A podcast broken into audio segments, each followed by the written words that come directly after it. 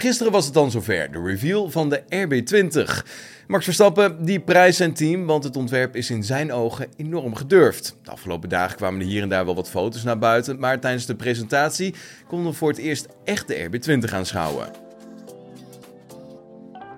Hoewel Red Bull Racing kan genieten van de status als regerend kampioen, moet het nog wel flink aan de bak om voor het veld uit te blijven. De afgelopen dagen kwamen de andere teams al met hun wagens naar buiten en Verstappen is bij Sky Sports ervan vooral blij dat zijn team niet te conservatief is geweest en vooral heeft geprobeerd om weer iets nieuws te brengen. Ik vind het wel fijn wat het team heeft gedaan. Het is geen conservatieve wagen. Het is niet alsof we dachten, vorig jaar hadden we een geweldige auto, laten we er hier en daar wat bij zetten, in de hoop dat het sneller gaat. Ik denk dat het ontwerp best gedurfd is.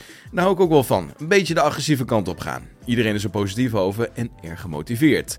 Ja, zo legt de drievoudig wereldkampioen uit. En Verstappen die was woensdag ook aanwezig op Silverstone voor de shakedown van de RB20. Ik heb er zin in om alles over de auto te leren. We hadden wel de filmdag, maar toen was het aan het regenen en daar leer je vrij weinig. Daar ging ik meer door de procedure van de auto heen en om te controleren of het allemaal wel goed in elkaar was gezet. We gaan nu richting Bahrein en hopelijk hebben we daar drie goede testdagen. Al dus Max Verstappen. Na de presentatie van de RB20 heeft Red Bull Racing Teambaas Christian Horner voor het eerst op de beschuldigingen van mogelijke grensoverschrijdend gedrag gereageerd.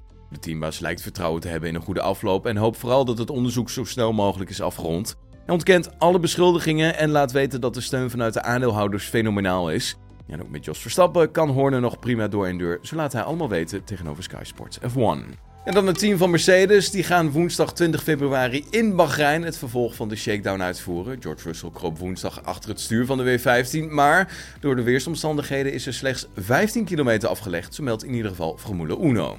Tijdens de shakedown mogen de teams maximaal 200 kilometer afleggen. Maar bij Mercedes bleef dat dus bij slechts 15 kilometer. Het team uit Brackley had overigens al wel een beetje rekening gehouden met het slecht weer en heeft daarom als alternatief een filmdag op Bahrein ingelast.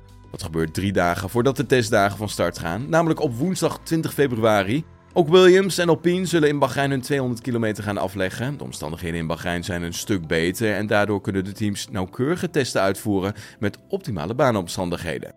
Was het dan het GP nieuws hier op Spotify. Vond je dit een leuke aflevering? Vergeet ons dan zeker niet te volgen. Dan zien we je later weer. Tot dan. Hoi.